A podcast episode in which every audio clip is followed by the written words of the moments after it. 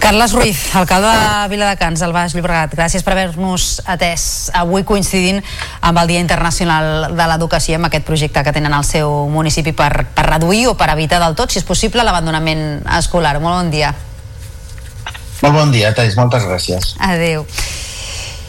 I no ens movem encara de les escoles perquè després de mesos de treballs eh, previs, l'Ajuntament de Barcelona, en aquest cas, posa en marxa els tràmits per instal·lar climatització sostenible a 24 centres educatius públics aquest estiu. S'hi posarà un sistema d'aerotèrmia que produeix fred i calor i que permetrà mantenir una temperatura de confort tant a l'hivern com a l'estiu. És una crònica de l'Anna Gili des de BTV. Totes les escoles públiques de la ciutat comptaran amb una climatització pionera que regularà millor la temperatura a classe. Es tracta d'un sistema de circulació d'aire fred i calent que garantirà una temperatura adequada tot l'any. A més, optimitzarà la qualitat de l'aire que s'anirà renovant constantment. En total, l'Ajuntament hi destinarà 100 milions d'euros, tots ells procedents de l'impost turístic. És la primera vegada que des de l'Ajuntament es fa una aposta clara i decidida perquè els recursos que s'aporten per part del turisme generin aquest retorn social tan, tan i tan important per tota la ciutat. Aquest sistema d'aerotèrmia és més eficient i permetrà modernitzar les escoles, ja que retiraran les calefaccions de gas. És també més sostenible perquè als centres hi haurà plaques fotovoltaiques que cobriran tota la despesa energètica i que més permetran generar un excedent. Tot plegat permetrà estalviar un milió d'euros l'any. Les obres a les primeres 24 escoles es faran aprofitant les vacances de l'estiu. Pel que fa als casals als centres, al llarg d'aquest febrer, el Consorci informarà les famílies si són compatibles amb les tasques i si cal buscar alternatives. El passat 2 eh, de gener va néixer a la maternitat de l'Hospital Clínic de Barcelona el nadó de la segona dona trasplantada d'úter a Espanya. El Manuel va pesar 2 quilos 900 grams i tant la mare, la Mayra Montes, com el nen estan en bon estat de salut. El trasplantament es va fer el 4 d'abril de 2022 i va ser possible gràcies a la donació de l'úter de la mare de la gestant, és a dir, de l'àvia del nadó.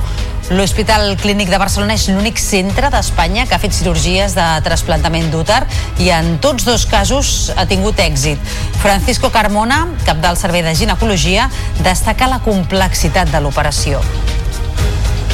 Mayra va estar dintre de l'úter que ara està dintre seu.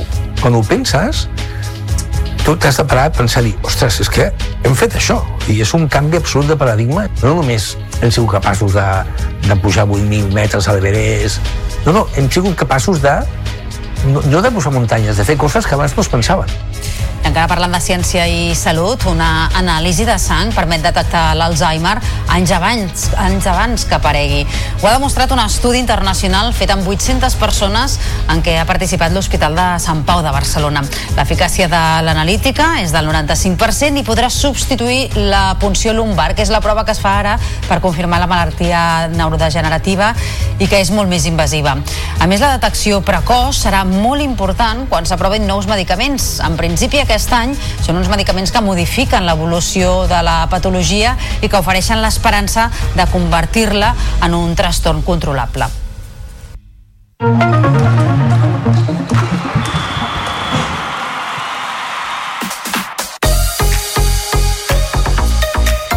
Barça i Girona afronten avui els quarts de final de la Copa del Rei que es disputen a partit únic.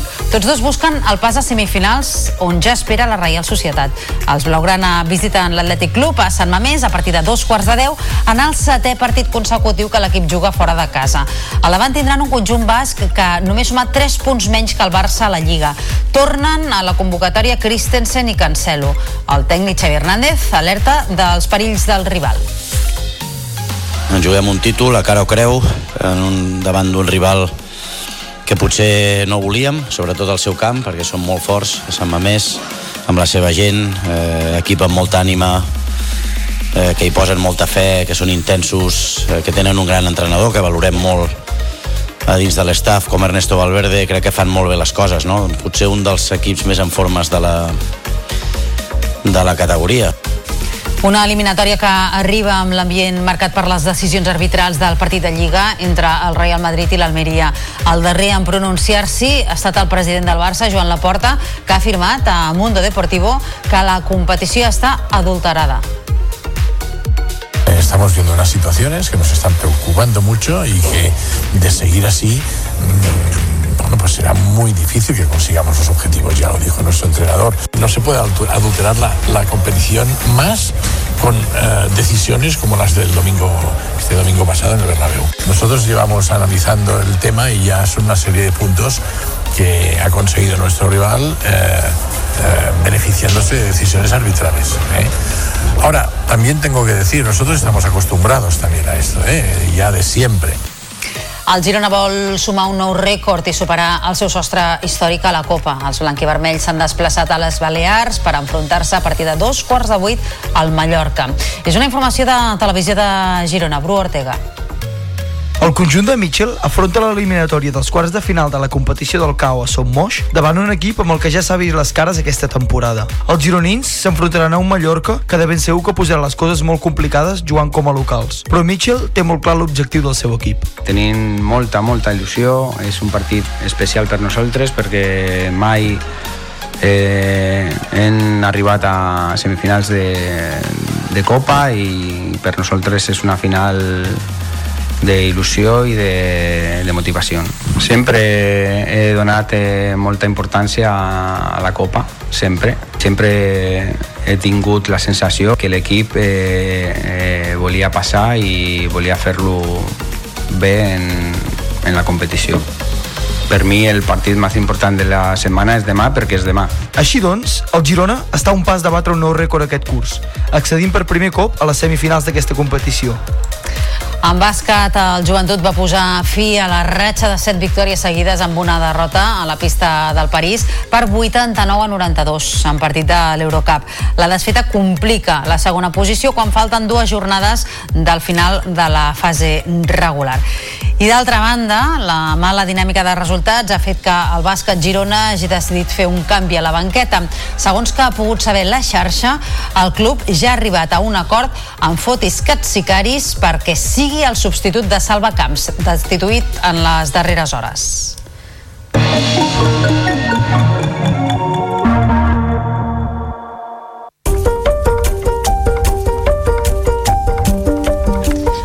Aquest dimarts s'han fet públiques les nominacions per a la gala dels Oscars que se celebrarà el proper 10 de març a Los Angeles i dues pel·lícules amb segell català han aconseguit nominacions. D'una banda, finalment, s'han fet bons els pronòstics i La Societat de la Neu del director barceloní Juan Antonio Bayona optarà a l'Oscar a millor pel·lícula internacional. També optarà a endur-se l'estatueta en la categoria de millor perruqueria i maquillatge. Bayona, que té experiència treballant a Hollywood, ha destacat la dificultat d'aconseguir la nominació amb una pel·lícula de parla no anglesa. Bueno, quan vas amb una pel·lícula rodada en espanyol és molt diferent el camí. O sigui, eh, veritablement és, és molt més difícil cridar l'atenció quan vas amb una una producció com Jurassic World o El Senyor dels Anillos, la, la pròpia marca ven el producte, però en aquest cas havíem de trucar el doble, el doble de fort a les portes perquè la gent s'escoltés i molt feliços de que finalment estiguem aquí gaudint de, de la nominació a l'Oscar. D'altra banda, Robot Dreams de Pablo Berger competirà en la categoria de millor film d'animació. La cinta, coproduïda per la catalana Arcadia Motion Pictures, és una adaptació de la novel·la gràfica homònima de Sarah Baron i explica la bonica història d'amistat entre un gos i un robot a la Nova York dels anys 80. Robot Dreams ja s'ha endut el premi del cinema europeu al millor film animat. Els ajuts a la creació Carlota Soldevila, que organitza el Teatre Lliure, arriben a la seva cinquena edició. Ho fan amb una companyia i tres artistes residents, un d'ells especialitzat en arts de carrer i una intercanvi amb Taiwan. També, però, amb incertesa sobre la continuïtat del projecte sota la nova direcció de la institució. És una crònica de David Navarro. Enguany, la Íntims Produccions serà la companyia resident i treballarà en el projecte L'Anorac, un cuerpo sin talento de la formació Monte Isla i la proposta de l'artista taiwanesa Chien Han Hung, Qualified Mother, protagonitzaran l'intercanvi internacional. Magda Puig, amb Tauma, un poema escènic, i Lucia del Greco, que treballa en un projecte amb els alumnes del tercer d'ESO de l'Institut Alzina de Barcelona, seran artistes residents. Del Greco ha explicat que la seva proposta tracta sobre l'evolució de l'amistat en el pas de la infància a l'adolescència. apropar a, a les noies i els nois amb qui estic treballant al món del teatre i per fer-ho per mi és molt important que ells ocupin el centre del discurs i que llavors el projecte estigui escollit per ells. Enguany, com a novetat, hi ha un resident d'espai públic, Ferran Urubich, que treballarà a les arts de carrer amb el projecte UPIA. Aquests ajuts a la creació són el darrer projecte de l'equip dirigit pel director Juan Carlos Martel Bayot i es tanquen amb la incògnita de si la nova direcció de Julio Manrique els mantindrà.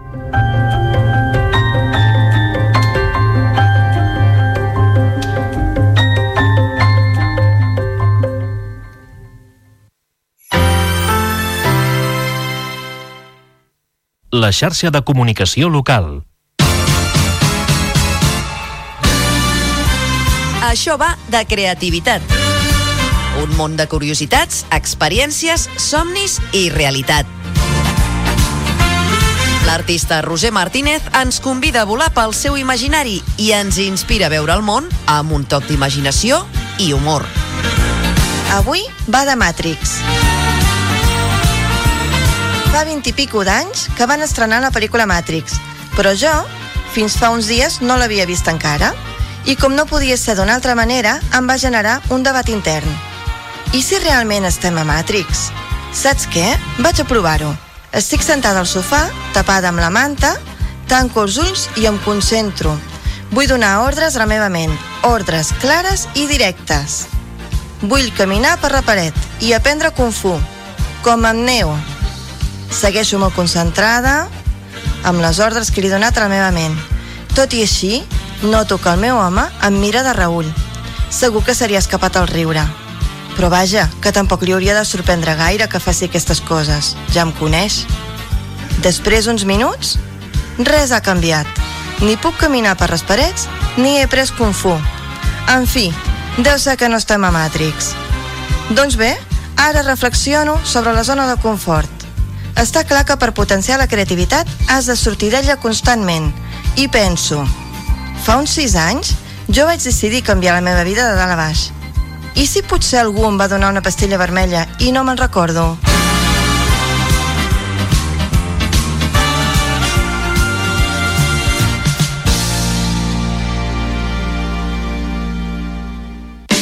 La xarxa de comunicació local.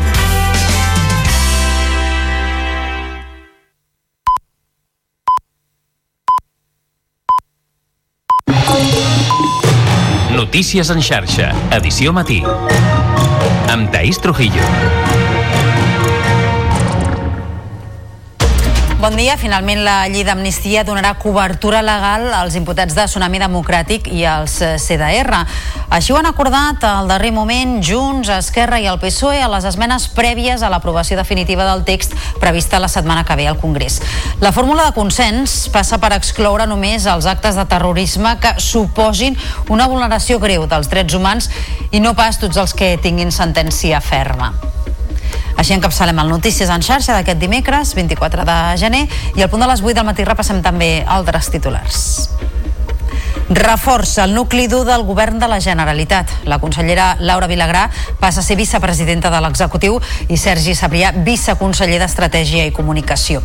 El president Pere Aragonès compareixerà avui al Parlament per informar sobre els canvis que ha impulsat per tal d'enfortir les negociacions obertes amb el govern espanyol. Madrid tindrà un gran premi de Fórmula 1 al 2026 que en principi conviurà amb el de Catalunya. El màxim dirigent de la competició, Stefano Domenicali, considera que tots dos circuits poden ser complementaris, però d'entrada, a Montmeló, només li queden dos anys més de contractar.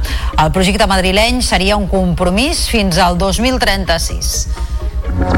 Detingut a Argentona, al Maresme, un monitor per abusos sexuals a menors amb una desena de víctimes identificades. L'arrestat col·laborava amb cinc escoles de l'àrea metropolitana de Barcelona i feia activitats d'oci, campaments d'estiu i primavera per a infants i joves de 6 a 18 anys. Els agents han intervingut imatges amb més de 70 menors. Una investigació participada per l'Hospital de Sant Pau desenvolupa una tècnica pionera que permet diagnosticar l'Alzheimer mitjançant una analítica de sang amb més d'un 90% de precisió. Aquest descobriment, que ja és a punt de comercialitzar-se, obre la porta a noves recerques i tractaments de la malaltia. I en esports, Barça i Girona afronten avui els quarts de final de la Copa del Rei. Els blaugrana visiten l'Atlètic Club amb les novetats de la convocatòria de Cancelo i Christensen. Els blanquivermells buscaran ser per primer cop a semifinals amb un triomf a camp del Mallorca. Mitchell recupera Eric i Aleix Garcia. I en cultura, la Societat de la Neu del director barceloní Juan Antonio Bayona optarà a dos premis Òscar, el de millor pel·lícula internacional i el de millor perruqueria i maquillatge. Robot Dreams de Pablo Berger i de producció catalana competiran la categoria de millor film d'animació a la gala que se celebrarà el 10 de març a Los Angeles. Repassats els titulars, ara obrim àrea de serveis. En primer lloc volem saber com se circula a aquesta hora, a les 8 del matí, per la xarxa viària catalana. Per tant, connectem amb el Servei Català de Trànsit. Fina Araque, molt, bé, molt bon dia. Hola, molt bon dia. Doncs avui ens comencem situant a la zona del Vallès. A la C-17 hi ha un camió avariat que talla un carril a l'altura de Granollers, en sentit nord, en sentit Vic, i la incidència provoca 6 quilòmetres de retencions des de l'altura de Parets del Vallès. També destaquem circulació molt lenta maturades a la C-58 entre Ripollet i el Nus de la Trinitat en sentit nord, en sentit Sabadell i també d'entrada a la capital catalana hi ha aturades a la zona entre Terrassa i Sabadell i més endavant a Montcada i Reixac. També destacarem que hi ha un vehicle avariat a la ronda de dalt a l'altura de Vall d'Hebron en sentit Llobregat, talla un carril i provoca retencions des de la Pota Nord a Santa Coloma de Gramenet. Acabarem destacant que els bancs de boira persisteixen i redueixen la visibilitat a la P2 entre Juneda i Castelldans, on s'ha limitat la velocitat màxima a 80 km hora. De moment això és el més destacat. Molt bon dia. I ara tanquem portada amb la previsió del temps. Eh, Lluís Miquel Pérez, molt bon dia. Temperatures eh, pròpies del mes d'abril.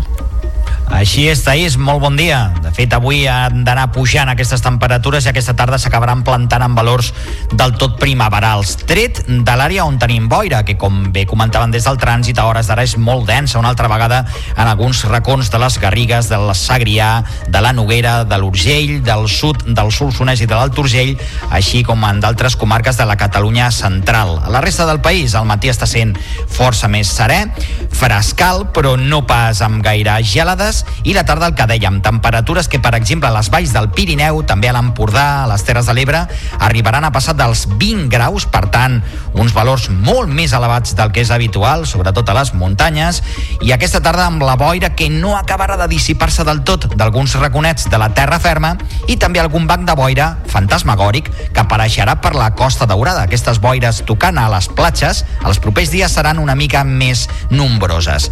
N'estarem pendents a la xarxa. Notícies en xarxa, edició matí. La llei d'amnistia també inclourà els imputats de Tsunami Democràtic i del CDR. És l'acord in extremis al qual han arribat Junts i Esquerra amb el PSOE per superar els esculls de la llei sobre terrorisme. Les esmenes, en aquest sentit, s'han aprovat durant la Comissió de Justícia. El darrer pas abans de l'aprovació definitiva de la llei prevista per a la setmana vinent al Congrés. Ens ho explica tot plegat la nostra companya Carina Vallvé.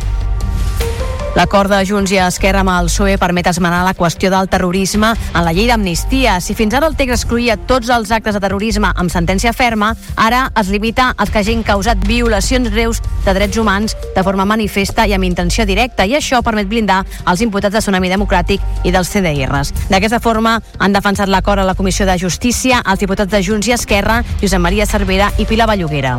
Tractar l'independentisme català com terrorisme és una aberració jurídica i una politització de la justícia que aquesta llei també ha de revertir. Quan un tribunal deliberadament estrafà la llei per poder aplicar el que ell creu que hauria de ser la llei, permetin-me, però qui jutja el jutjador? També s'ha acordat que l'aplicació de la llei sigui immediata per evitar l'stand-by si la justícia espanyola la vol portar a Europa. Les esmenes transaccionades han rebut el suport de tots els grups excepte el PP i Vox, que consideren que són inconstitucionals, ja que segons aquests partits s'obre la porta amnistia delictes de terrorisme com la Calebo Roca. Es preveu que la setmana vinent el Congrés aprovi definitivament la llei d'amnistia, però encara queda marge de negociació, ja que Esquerra i Junts mantenen vives diferents esmenes. En el capítol de reaccions, el ministre de la presidència, Félix Bolaños, ha volgut deixar molt clar quins són els límits del pacte. Ha assegurat que només són esmenes tècniques que contempla els casos de terrorisme que no vulneren els drets humans. Una mesura amb la qual ha dit amnistia totes les persones relacionades amb el procés independentista.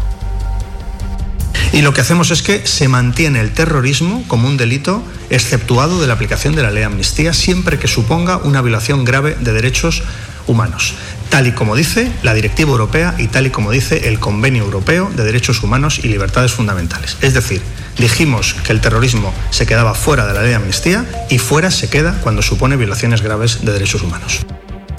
I el president del Partit Popular, Alberto Núñez Feijóo, durant un acte d'homenatge al polític basc Gregorio Ordóñez, assassinat per ETA, ha criticat la llei d'amnistia. Feijóo ha assegurat que el terrorisme no es tapa ni es perdona. Estamos aquí para recordar que los asesinos siguen siendo asesinos y que las víctimas siguen siendo víctimas. Ningún pacto indigno nos obliga a callar o a simular que son demócratas y amantes de la paz. Esa indignidad se la dejamos a otros que les pretenden regalar a los terroristas la amnistía y el olvido. I a Catalunya, el president aragonès reforça el nucli dur de l'executiu. Laura Vilagrà passa a ser vicepresidenta del govern i Sergi Sabrià, viceconseller d'Estratègia i Comunicació. El president de la Generalitat ha assegurat que esgotarà la legislatura i que els ha anomenat per reforçar políticament l'executiu en les diverses negociacions amb el govern central. Ens ho explica la Mont Carvajal. Com a consellera de la presidència, Laura Vilagrà ha liderat les negociacions més rellevants del govern, com el traspàs de Rodalies, el nou sistema de finançament o la llei d'amnistia. I el president aragonès l'enforteix per rematar la feina en aquest darrer any de la legislatura en què caldrà negociar molt amb el govern central. I el que cal, doncs, és enfortir doncs, el rol paraigües que acompanya aquestes negociacions i moltes d'altres que han de venir, com és el seguiment de la implementació de l'amnistia i l'obertura, com deia, d'aquesta segona fase de negociació amb l'Estat Sergi Sabrià deixa la sala de màquines de l'oficina del president per dirigir l'estratègia comunicativa del govern. El president ha assegurat que esgotarà la legislatura treballant amb energia fins a l'últim moment. aquells que desitgen que puguin sembrar-se dubtes per eh, pur benefici electoral particular, que abandonin tota esperança, perquè aquest govern culminarà la legislatura Els canvis no suposen cap increment de l'estructura de l'executiu.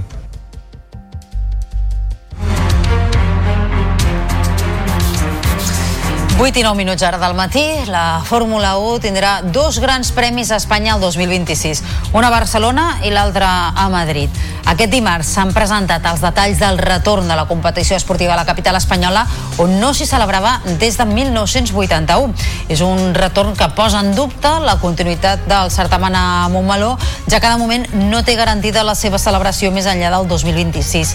Tot i que hi ha precedents a Itàlia de la coexistència de dos grans premis en un mateix país, encara són molts els dubtes sobre el futur català en aquesta competició del motor. El govern confia que continuarà celebrant-se també a Montmeló i assegura que la relació amb l'organització és positiva. Stefano Domenicali és el president de l'empresa que organitza la Fórmula 1.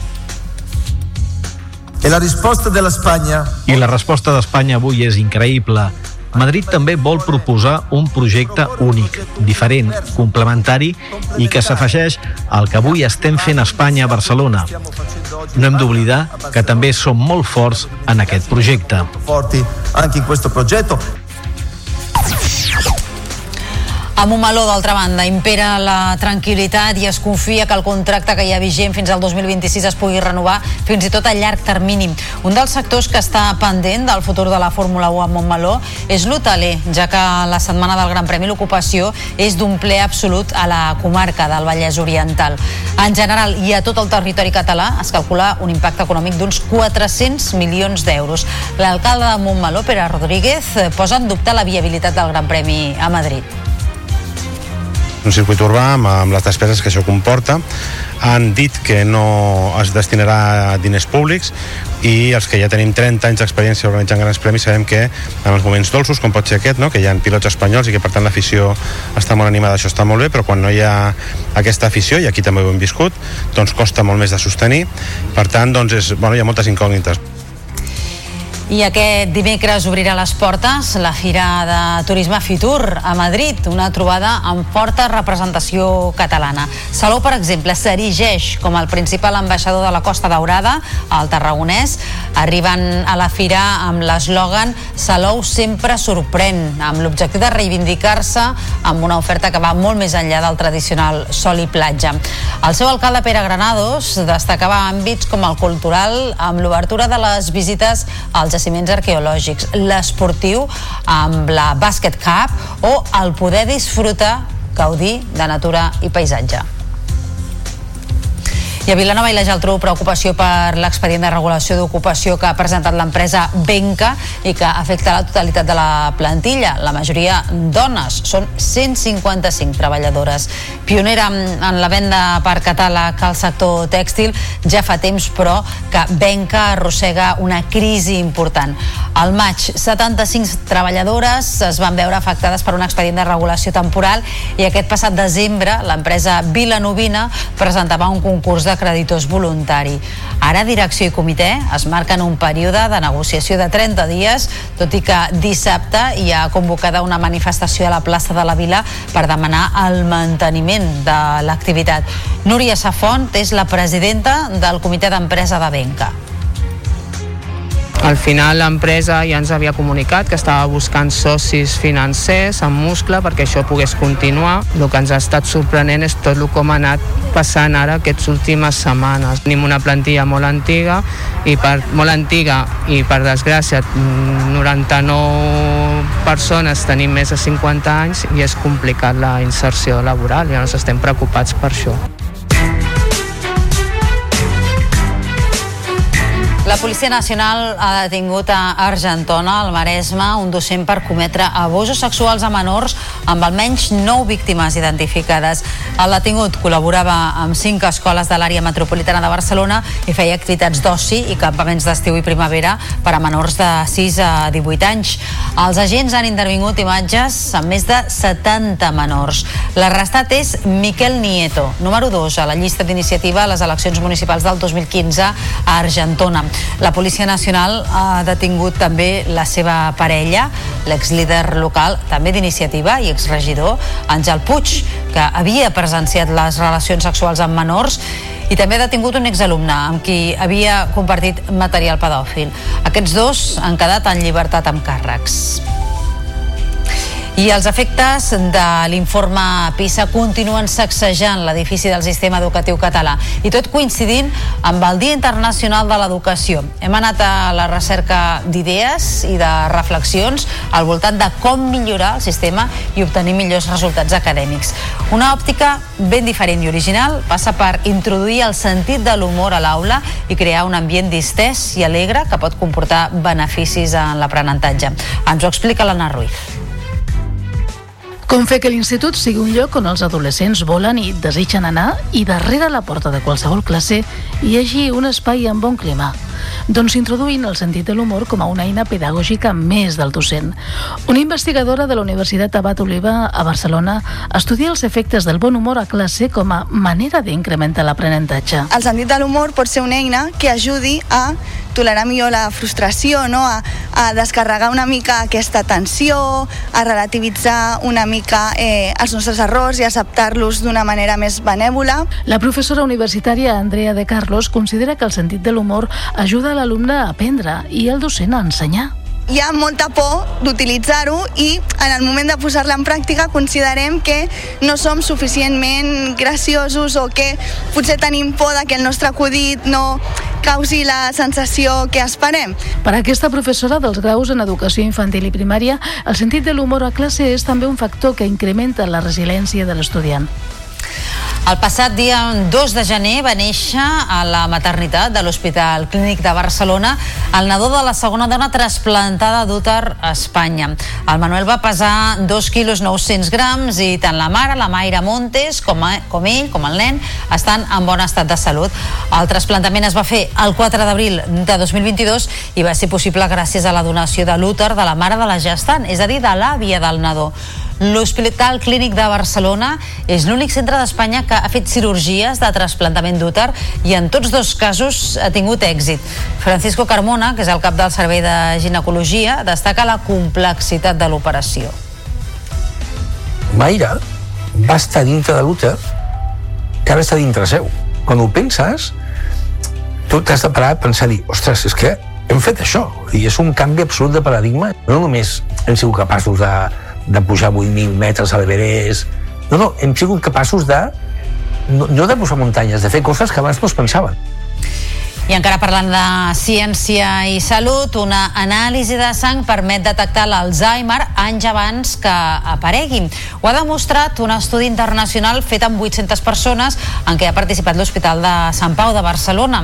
L'eficàcia de l'analítica és del 95% i podrà substituir la punció lumbar, que és la prova que es fa ara per confirmar la malaltia neurodegenerativa i que és molt més invasiva.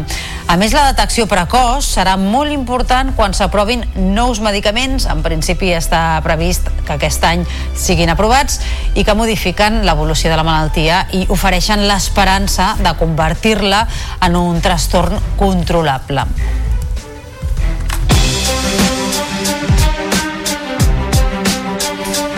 El Servei de Costes de l'Estat autoritzarà per primera vegada els ajuntaments del Baix Penedès a aportar sediments a les platges amb dèficit de sorra. El Vendrell i Calafell estan treballant en un conveni per fer aquests treballs de cara al bon temps. És una crònica de la Sílvia Martínez des de la televisió del Vendrell. El principal moviment es produiria de l'entorn del port de Comarruga amb un accés de sediments cap a la platja del Francàs. Aquesta aportació s'ha de fer amb camions per la sorra, ja que la protecció de la reserva marina de Masia Blanca no permet abocar-hi sorra amb la draga del port. Altres platges on es portarien sediments de Comarruga serien Calafell o fins i tot Cunit si calgués. La possibilitat de portar sorra, en aquest cas, a platges al nord de, del Vendrell perquè igualment l'erosió quan es produeixi doncs acabi retornant aquesta sorra en aquest cas a la zona del port en principi a, a Calafell i Calafell fins i tot o de segur de Calafell fins i tot a Cunit és a dir sempre tirant cap al nord perquè al final doncs, la, la sorra pel mateix procés d'erosió doncs, baixaria cap al sud els ajuntaments del Vendrell i de Calafell estan treballant en un conveni per fer aquests treballs. La gestió de la sorra podria ser un nou servei mancomunat entre els dos ajuntaments del Baix Penedès. Per començar, hauran d'assumir les despeses dels primers treballs. El Departament de Territori té previst tenir enllestides a finals d'aquesta primavera les obres de millora dels accessos a la C-17 als polígons Font del Ràdium de Granollers i Can Montcau, a Lliçà d'Amunt. Així ho va afirmar ahir la consellera Esther Capella durant una visita a motiu de la finalització de les obres del tercer carril de la C-17 en sentit nord entre Parets i Granollers. Ens ho expliquen des de BOTV. Territori ha invertit 19 milions d'euros per ampliar a tres carrils en sentit nord la C-17 entre Parets i Granollers. Uns treballs que també han servit per reordenar els accessos a les diverses zones industrials que hi ha als laterals d'aquesta carretera, per on es calcula que cada dia circulen 90.000 vehicles. Estem executant doncs, les obres per l'ordenació dels accessos a un nou enllaç entre Granollers i Lliçà d'Amunt, amb una inversió de més de 9 milions d'euros que preveiem, que tenim previst, que acabarem a finals d'aquesta de la primavera. Mentrestant, el departament segueix treballant en noves millores a la C-17, com les obres previstes per instal·lar pantalles acústiques en el tram entre Granollers i Canovelles, amb una inversió prevista d'1,7 milions d'euros.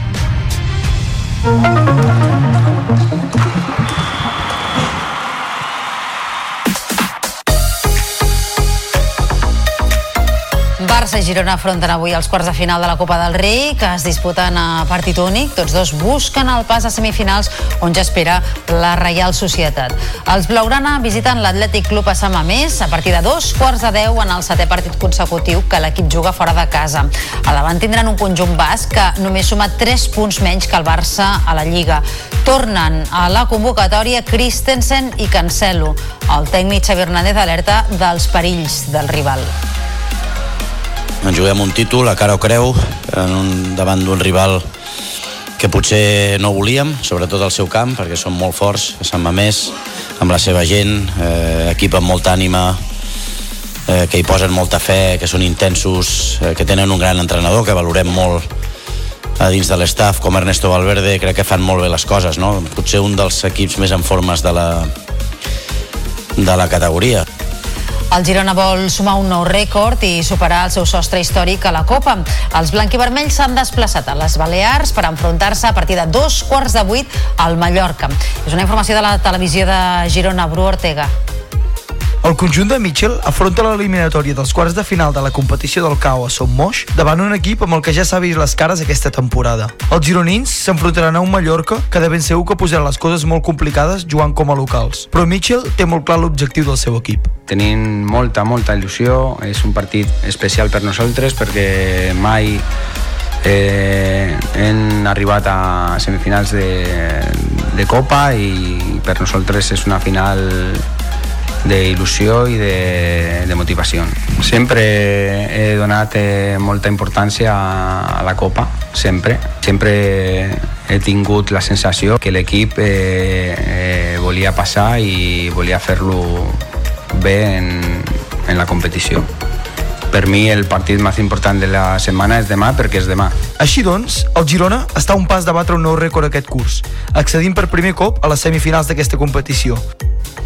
El joventut va posar fi a la ratxa de 7 victòries seguides amb una derrota a la pista del París per 89 a 92 en partit de l'Eurocup. La desfeta complica la segona posició quan falten dues jornades del final de la fase regular. I d'altra banda, la mala dinàmica de resultats ha fet que el bàsquet Girona hagi decidit fer un canvi a la banqueta. Segons que ha pogut saber la xarxa, el club ja ha arribat a un acord amb Fotis Katsikaris perquè sigui el substitut de Salvacamps destituït en les darreres hores. I el CAC 7 Balonmano Granollers s'enfrontarà al Gran Canària als quarts de final de la European Cup, la segona competició continental femenina. L'eliminatòria es, disputa, es disputarà amb l'anada a la pista insular el 9 o 10 de març i la tornada a la pista de Vallesana una setmana més tard. Les semifinals contra el guanyador del duel entre l'Elx i l'Eskopje Macedonji es jugaran els dos darrers caps de setmana d'abril. I a la Copa del Rei de Futbol Sala, el Barça s'enfrontarà al Penyíscola als quarts de final. L'eliminatòria es disputarà a partit únic a la pista del conjunt castellonenc el 20 o el 21 de febrer. El Penyíscola és 12 a la primera divisió, 5 punts per sobre del descens en una categoria liderada pels Blaugrana. El vencedor del duel es classificarà per a la final a 4 que jugarà el 18 i el 19 de maig.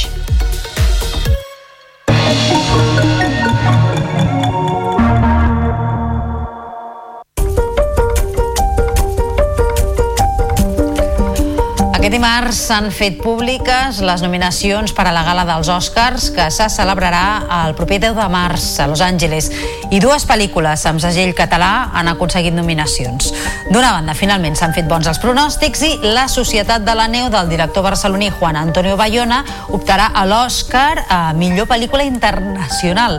També està nominada en la categoria de millor perruqueria i maquillatge. Bayona, que té experiència treballant a Hollywood, ha destacat la dificultat d'aconseguir la nominació amb una pel·lícula de parla no anglesa. Bueno, quan vas amb una pel·lícula rodada en espanyol és molt diferent el camí. O sigui, eh, veritablement és, és molt més difícil cridar l'atenció quan vas amb una una producció com Jurassic World o El Senyor dels Anillos, la, la pròpia marca ven el producte, però en aquest cas havíem de trucar el doble, el doble de fort a les portes perquè la gent s'escoltés i molt feliços de que finalment estiguem aquí gaudint de, de la nominació a l'Oscar.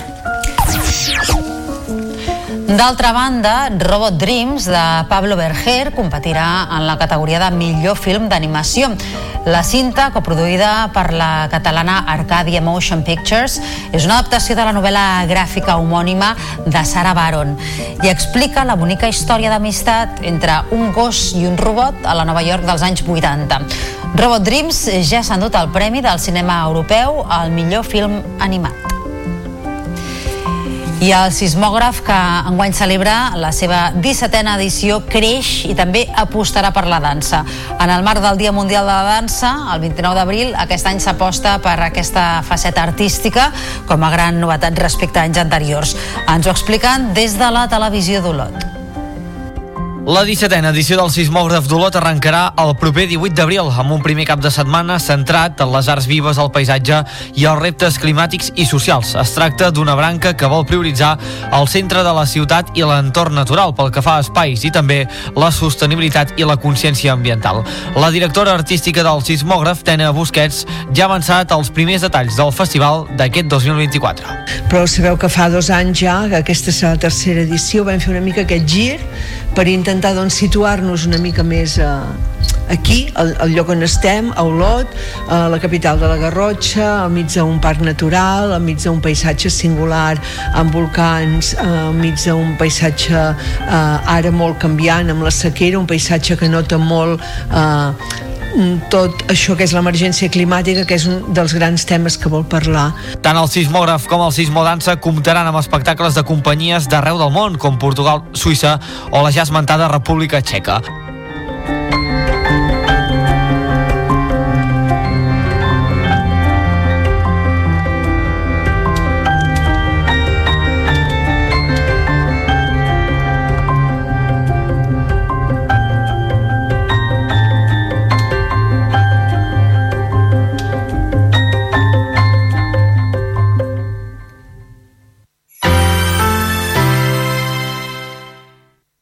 La xarxa de comunicació local.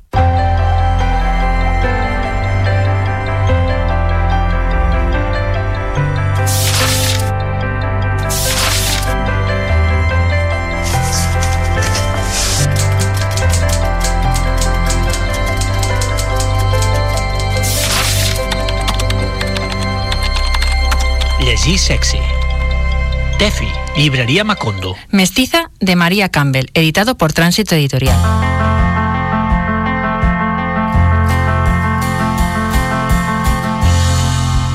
Estem molt contentes de poder-vos per fi presentar el nostre primer llibre del Club de la Tribu, el nostre club feminista. Trànsit Editorial s'ha tornat indispensable a la nostra llibreria i és per això que aquí millor començament que aquest. Mestiza són unes memòries plenes de vida, a vegades bastant intensa i difícil, però mai, mai et dona la sensació que cau en el drama. Arrels fortes i textos contundents de Maria Campbell. La seva història, la història d'una dona tenaç, de la relació amb la seva identitat, que estima i detesta, i el retrat d'un poble, els metis, que van demostrar la seva resiliència. Campbell escriu aquestes memòries per explicar-nos què suposava ser una mestissa a Canadà, Hace muchos años, dijo, cuando era solo una niña, los mestizos llegaron al oeste. Dejaron buenos hogares en busca de un lugar donde poder vivir según sus costumbres.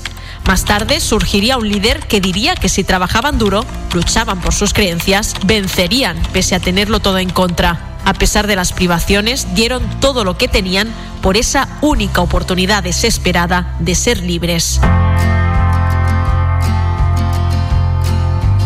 I nosaltres estem enganxadíssimes a aquesta història.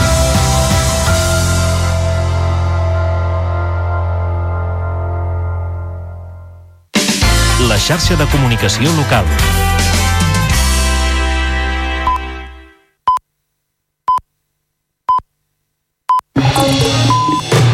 Notícies en xarxa, edició matí. Amb Taís Trujillo.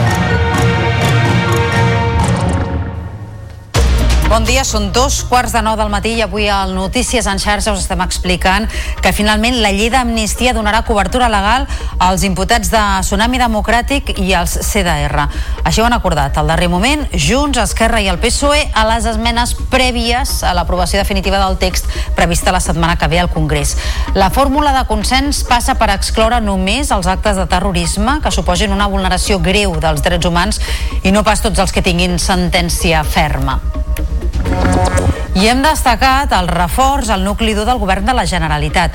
La consellera Laura Vilagrà passa a ser vicepresidenta de l'executiu i Sergi Sabrià viceconseller d'Estratègia i Comunicació. El president Pere Aragonès compareixerà avui al Parlament per informar sobre els canvis que ha impulsat per tal d'enfortir les negociacions obertes amb el govern espanyol.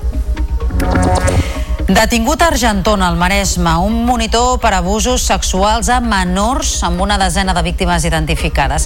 L'arrestat col·laborava amb cinc escoles de l'àrea metropolitana de Barcelona i feia activitats d'oci i campaments d'estiu a infants i joves de 6 a 18 anys. Els agents han intervingut imatges amb més de 70 menors.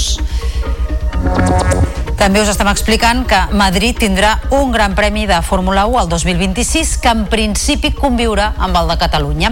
El màxim dirigent de la competició, Stefano Domenicali, considera que tots dos circuits poden ser complementaris, però d'entrada, amb un meló, només li queden dos anys més de contracte. El projecte madrileny seria un compromís fins al 2036. Sobre quines repercussions que l'espera de tot plegat en parlarem d'aquí a uns minuts amb Joan Porcar, que és periodista, expert en motor. I Barça i Girona afronten avui els quarts de final de la Copa del Rei. Els blaugrana visiten l'Atlètic Club amb les novetats a la convocatòria de Cancelo i Christensen. Els blanquivermells buscaran ser per primer cop a semifinals amb un triomf al camp del Mallorca. Mitchell recupera Eric i Aleix Garcia. I al final del Notícies en xarxa, avui analitzarem les possibilitats de la Societat de la Neu i Robot Dreams d'endur-se algun Òscar a la gala que se celebrarà el 10 de març a Los Angeles. Ho farem amb Dida Calcàntara, que és periodista de la xarxa especialitzat en cultura. Pel que fa a la cinta de Juan Antonio Bayona, opta dos premis, el de millor pel·lícula internacional i el de millor perruqueria i maquillatge, mentre que Robot Dreams de Pablo Berger competirà en la categoria de millor film d'animació.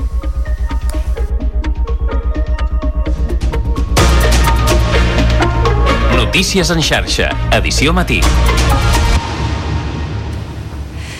La llei d'amnistia també inclourà els imputats de Tsunami Democràtic i dels CDR. És l'acord in extremis al qual han arribat Junts i Esquerra amb el PSOE per superar els esculls de la llei sobre terrorisme.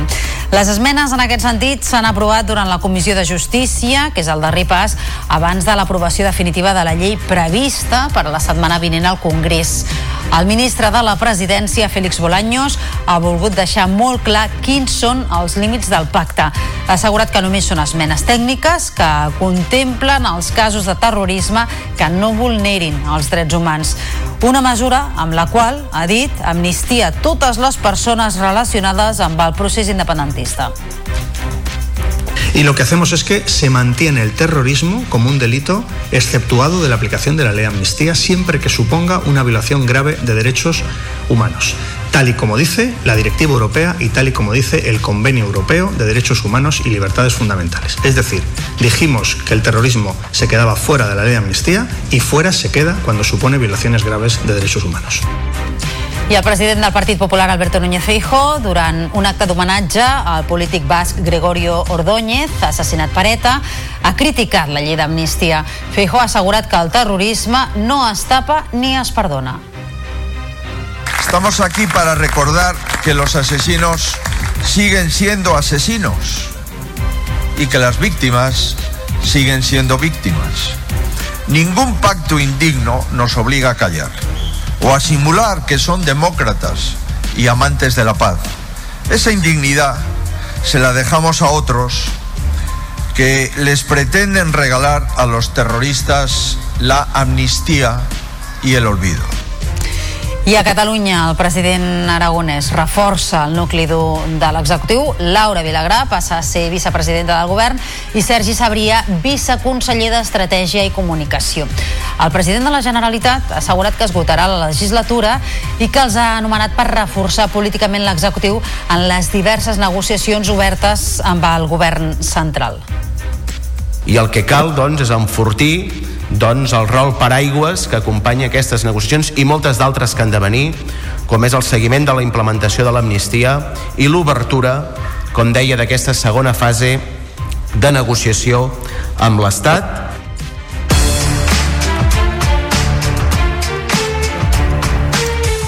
La Policia Nacional ha detingut a Argentona, al Maresme, un docent per cometre abusos sexuals a menors, amb almenys 9 víctimes identificades.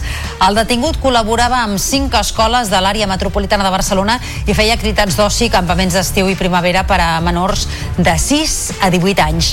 Els agents han intervingut imatges amb més de 70 menors. L'arrestat és Miquel Nieto, número 2, a la llista d'iniciativa a les eleccions municipals del 2015 a Argentona.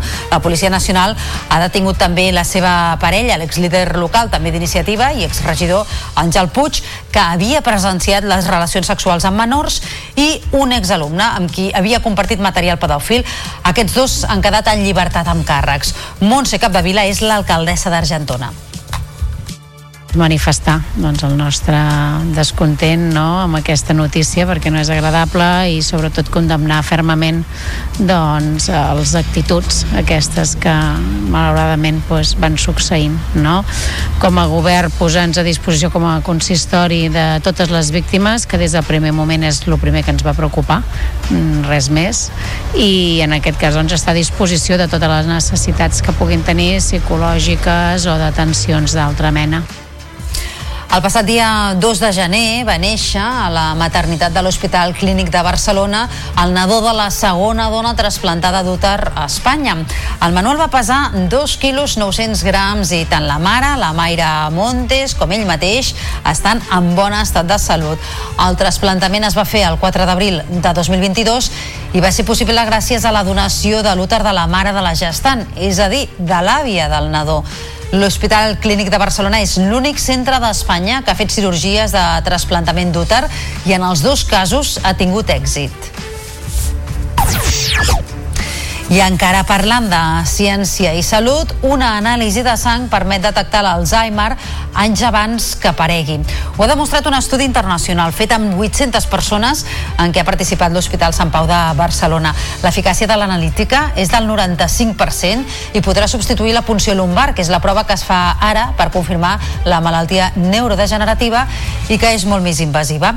A més, la detecció precoç serà molt important quan s'aprovin nous medicaments. En principi està previst que es faci aquest any. Són uns medicaments, uns fàrmacs que modifiquen l'evolució de la malaltia i que ofereixen l'esperança de convertir-la en un trastorn controlable.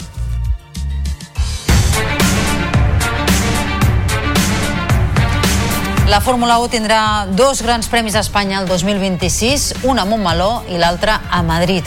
A les darreres hores s'han presentat els detalls del retorn de la competició esportiva a la capital espanyola, on no s'hi celebrava des de 1981. Què significa el que es va presentar ahir a la capital d'Espanya, a Madrid, i sobretot quina implicació tindrà per al circuit català? Doncs són preguntes que li traslladem a aquesta hora a Joan Porcar, que és periodista expert en motor. Senyor Porcar, molt bon dia. Bon dia. Després de l'anunci que es va fer ahir a Madrid, hi ha motius per pensar que Montmeló perdrà la Fórmula 1 un cop passada la data del 2026, que és quan s'acaba el contracte? En principi no crec que sigui així, perquè tenim que recordar que ja aquí, en aquest país, ja vam conviure amb València i el Gran Premi de Montmeló de Catalunya va continuar funcionant perfectament bé, no? El Josep Lluís Santa Maria, que és el director del circuit i el seu equip i tot l'entorn que té de, de gestió, és un, ho estan fent molt bé i té molt de prestigi, és un dels grans premis eh, millor organitzats aquí, el que fem aquí, no? A partir d'aquí, sí que és veritat que tenim que estar en molta cura perquè aquestes coses sempre és una qüestió de gestió, és una qüestió de negociació i és una qüestió també d'intentar assegurar amb temps el futur, no? No es pot dir que el tindrem per sempre i que es tindrà que lluitar, evidentment, no? Però ara per ara, des d'aquesta perspectiva de dos anys a dos anys vista, crec que el circuit de Catalunya té suficients arguments com per continuar i renovar el contracte. Mm -hmm. Llavors, com hem d'interpretar que la Fórmula 1 hagi optat per aquesta segona ubicació? Bueno, la Fórmula 1, com la majoria dels grans, grans esdeveniments, té un pes, en la Fórmula 1 té un pes molt important en el tema econòmic i la veritat és que en més d'un gran, més d'un país han tingut un gran premi, no? A Itàlia estan, han, han viscut molts anys amb dos grans premis eh, sense cap problema. A partir d'aquí, pues, bueno, és un circuit, és muntar un circuit urbà complexa, jo crec que és un, un circuit complexa, eh, d'un cost brutal, eh? i a partir d'aquí pues, bueno, ja veurem el futur. Eh, tenim que recordar lo de València, ho repeteixo, però tenim que recordar el que va passar a València, no? València tenia que ser l'alternativa a Barcelona en, en molts anys, en uns anys, i no ho va ser. O sigui, nosaltres estem fent aquí les coses molt bé, el circuit ho està fent molt bé, l'equip del circuit ho està fent molt bé, i té el recolzament polític que és imprescindible, evidentment. Què és el que fa complex aquesta alternativa o aquest circuit eh, de Madrid? Un circuit, recordem... Perquè els circuits urbans, sí, els circuits urbans són circuits que sembla que, com els veiem normalment quan estan muntats, eh, sembla que tot sigui fàcil, però és molt, molt complicat.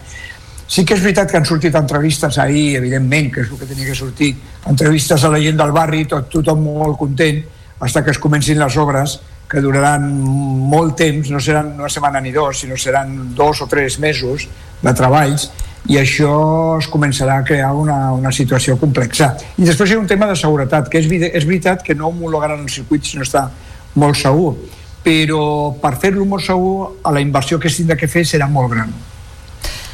Estarem pendents eh, del que passi en els propers anys per preparar aquest uh, circuit de Madrid. Joan Porcà, periodista experta en motor, gràcies per haver-nos atès avui al Notícies en xarxa. Fins a la propera. Bon dia. Mm.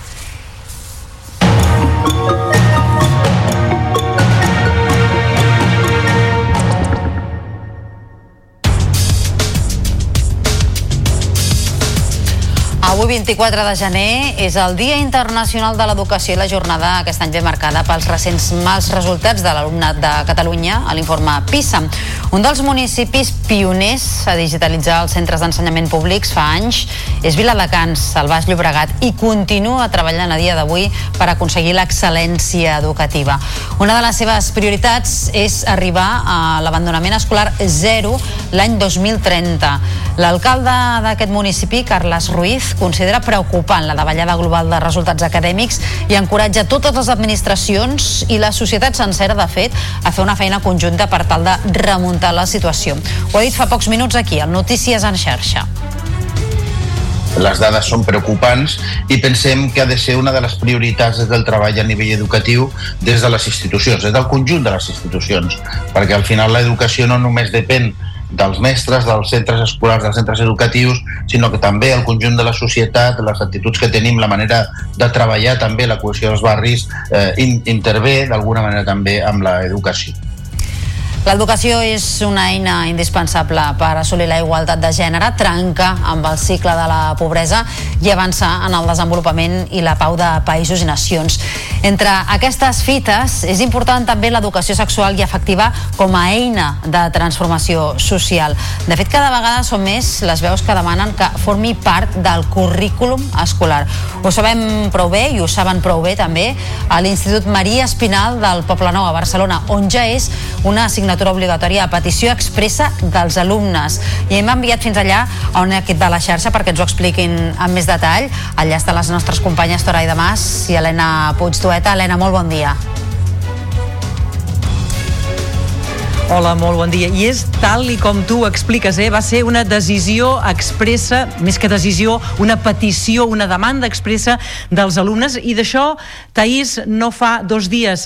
De fet, van ser els alumnes de tercer d'ESO d'ara fa cinc cursos els que ho van exigir amb pancartes i manifestacions incloses al pati. De fet, exigien que l'educació sexual i afectiva tingués el mateix calat que, per exemple, la literatura o les matemàtiques. I aquí està quan la direcció del centre i el professorat, que estava força motivat, doncs va agafar el guant i això, han obert camí eh, i ho han fet d'una manera valenta i encertada. Per tant, els alumnes ara estan encantats. Aquí al meu costat tinc a la Marta Canyo, que és la directora de l'Institut, de l'Institut Maria Espinal d'aquí del Poble Nou, i que, a més a més, Marta, tu imparteixes també aquesta assignatura entre els alumnes de primer i quart d'ESO. Bon dia. Bon dia, doncs sí.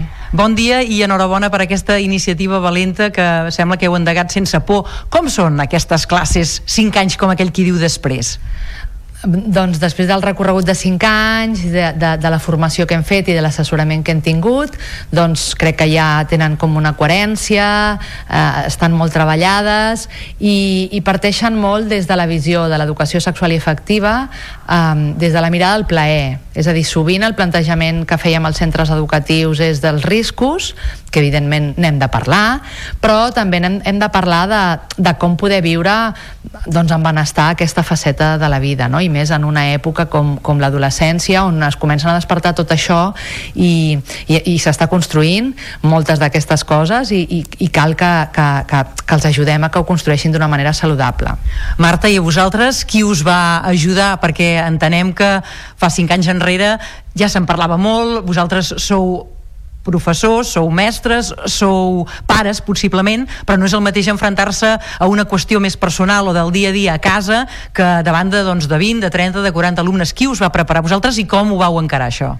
Doncs bé, vam, vam decidir un grup de, de docents que teníem ganes de, de començar a, a fer això i vam demanar assessorament a CID Estudi, que és una entitat que té molts materials a la seva pàgina web i que, i que ens va ajudar molt perquè són materials molt ben explicats i molt ben enfocats, però ens van fer prèviament unes sessions d'assessorament a aquest grup de docents per poder una mica tenir aquesta mirada mm, doncs, doncs des, de, des del benestar, des del plaer, des del no judici, des de la confidencialitat, des del crear un, espai, un espai doncs, de respecte no? on tothom pogués decidir no? Mm, de manera saludable i això ens va ajudar molt. Posteriorment, el, el claustre, gran part del, del claustre va, va, va participar en el programa d'Escoles per la Igualtat i la Diversitat, que és un programa del, del, del Consorci d'Educació de Barcelona, que també ens va ajudar molt a, a no només tenir en compte la, la dimensió afectivo-sexual, sinó tenir en compte doncs, eh, com es creuaven tots els eixos de desigualtat relacionats doncs, amb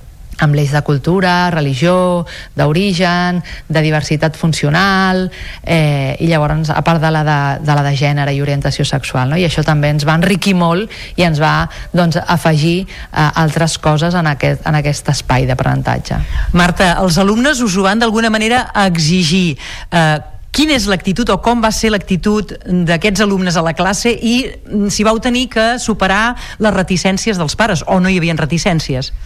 Evidentment, eh, malgrat que, que un gran nombre d'alumnat ho, ho demanava, no? tenia aquesta necessitat, doncs el, els alumnes són diversos, ja ho sabeu, i això fa que, que bueno, hi ha hagut, en general, eh, és un espai que és molt benvingut per part de l'alumnat, perquè és un espai que no tenen altre lloc, un espai on posar sobre la taula doncs, tots els dubtes, totes les pors, eh, tots els desitjos que, que sobre aquest aspecte, que a més comença no, a aparèixer, i per una altra banda, eh, doncs sí que hi ha hagut algun alumne que per diferents motius, però són una minoria, doncs has expressat com una mica de, de reticència en aquest espai, però sempre ha intentat buscar alternatives. No? I, I pel que fa a les famílies, n'hem tingut alguna també, però és molt, molt minoria. Quan nosaltres els hem explicat que, que és un dret, el dret a la salut sexual és un dret com qualsevol altre que nosaltres treballem aquí i que, que tenen els nostres alumnes, doncs en principi doncs, ho entenen. No?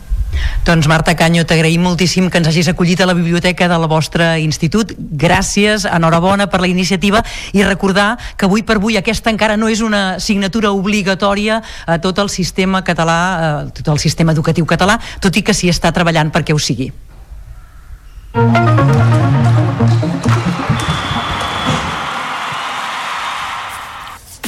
Falten poc més de 10 minuts perquè siguin les 9 en punt del matí. Aquí al Notícies en xarxa repassem tota l'actualitat esportiva. Marta Casas, molt bon dia. El Barça i el Girona afronten avui els quarts de final de la Copa del Rei. Unes eliminatòries que, recordem, encara es disputen a partit únic. Tots dos buscaran la classificació per a les semifinals, on des d'ahir ja espera la Reial Societat. Els blaugranes jugaran a Sant Mamés davant l'Atlètic Club a partir de dos quarts de 10 en el setè partit consecutiu que l'equip jugarà fora de casa. Al davant tindran un conjunt basc que només suma 3 punts menys que el Barça a la Lliga. Torna a anar a la convocatòria Christensen i Cancelo. El tècnic Xavi Hernández alerta dels perills que hauran de tenir al davant d'aquest rival. Ens juguem un títol a cara o creu en un, davant d'un rival que potser no volíem, sobretot al seu camp, perquè són molt forts, a Sant Mamés, amb la seva gent, eh, equip amb molta ànima, eh, que hi posen molta fe, que són intensos, eh, que tenen un gran entrenador, que valorem molt a dins de l'estaf, com Ernesto Valverde, crec que fan molt bé les coses, no? Potser un dels equips més en formes de la, de la categoria. Una eliminatòria que arriba amb l'ambient marcat per les decisions arbitrals del partit de Lliga entre el Real Madrid i l'Almeria. El darrer en pronunciar-s'hi ha estat el president del Barça, Joan Laporta, que ha afirmat a Mundo Deportivo que la competició està adulterada. Estamos viendo unas situaciones que nos están preocupando mucho y que de seguir así bueno, pues será muy difícil que consigamos los objetivos, ya lo dijo nuestro entrenador. No se puede adulterar la, la competición más con eh, decisiones como las del domingo, este domingo pasado en el Bernabéu. Nosotros llevamos analizando el tema y ya son una serie de puntos que ha conseguido nuestro rival eh, eh, beneficiándose de decisiones arbitrales. ¿eh? Ahora, también tengo que decir, nosotros estamos acostumbrados también a esto, ¿eh? ya de siempre.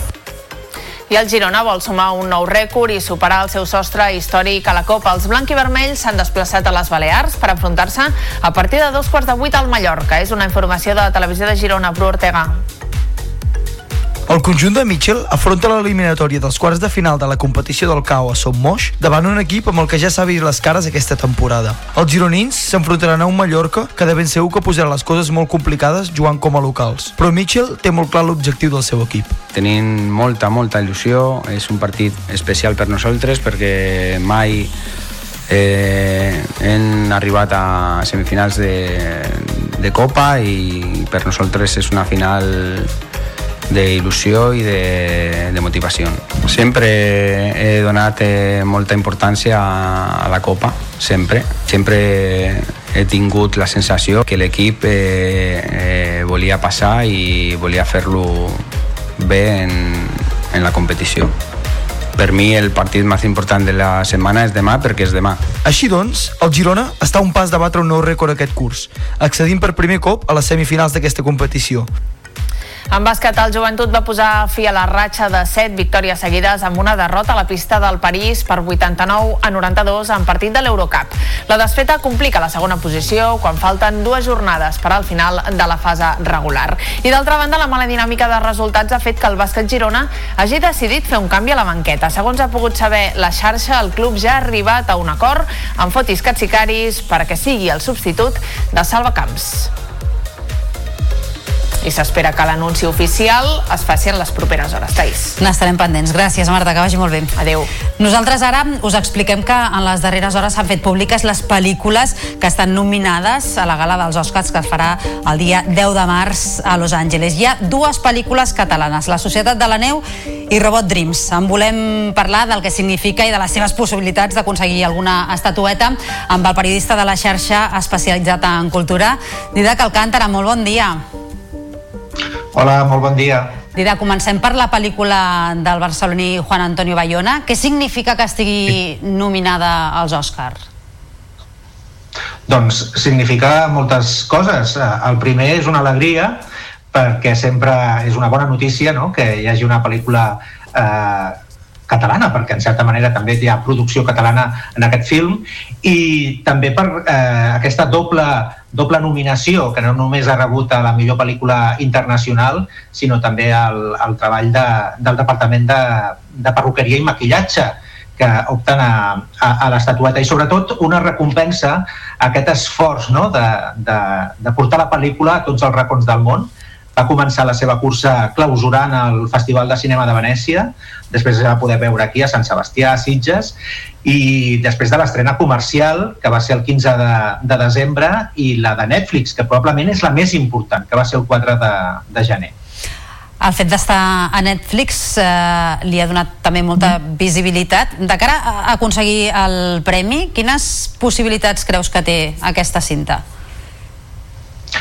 Bé, doncs, eh, quan es va fer la shortlist, que és la, la, diguéssim, el tall que es fa a totes les pel·lícules presentades pels diferents països a la millor pel·lícula internacional, que van quedar eh, 15 pel·lícules, eh, la que tenia, en principi, eh, o la que podria ser no, la gran competència és Anatomia d'una caïda, però França no la va escollir, l'Acadèmia Francesa no va escollir aquesta pel·lícula. Per tant, descartada, perquè és un film que ha anat directament a millor pel·lícula, millor direcció i altres categories, eh, probablement sigui la zona d'interès.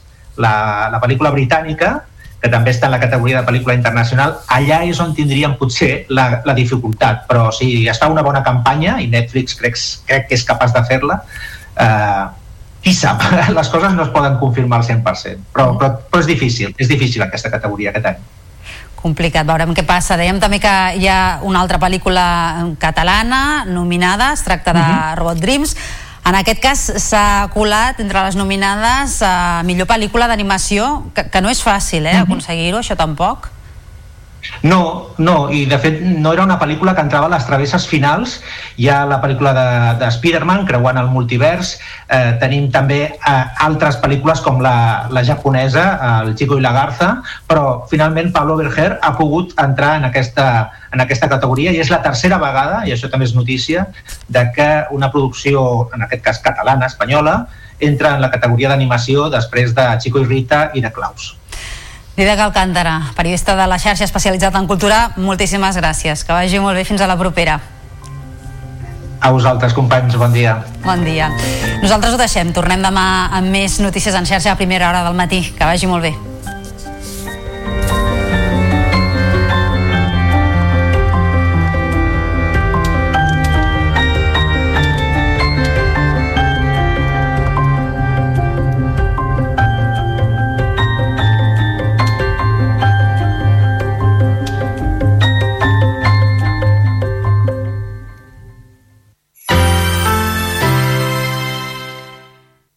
La xarxa de comunicació local. Hay un rayo de luz que entró por mi ventana y me ha devuelto las ganas, me quita el dolor.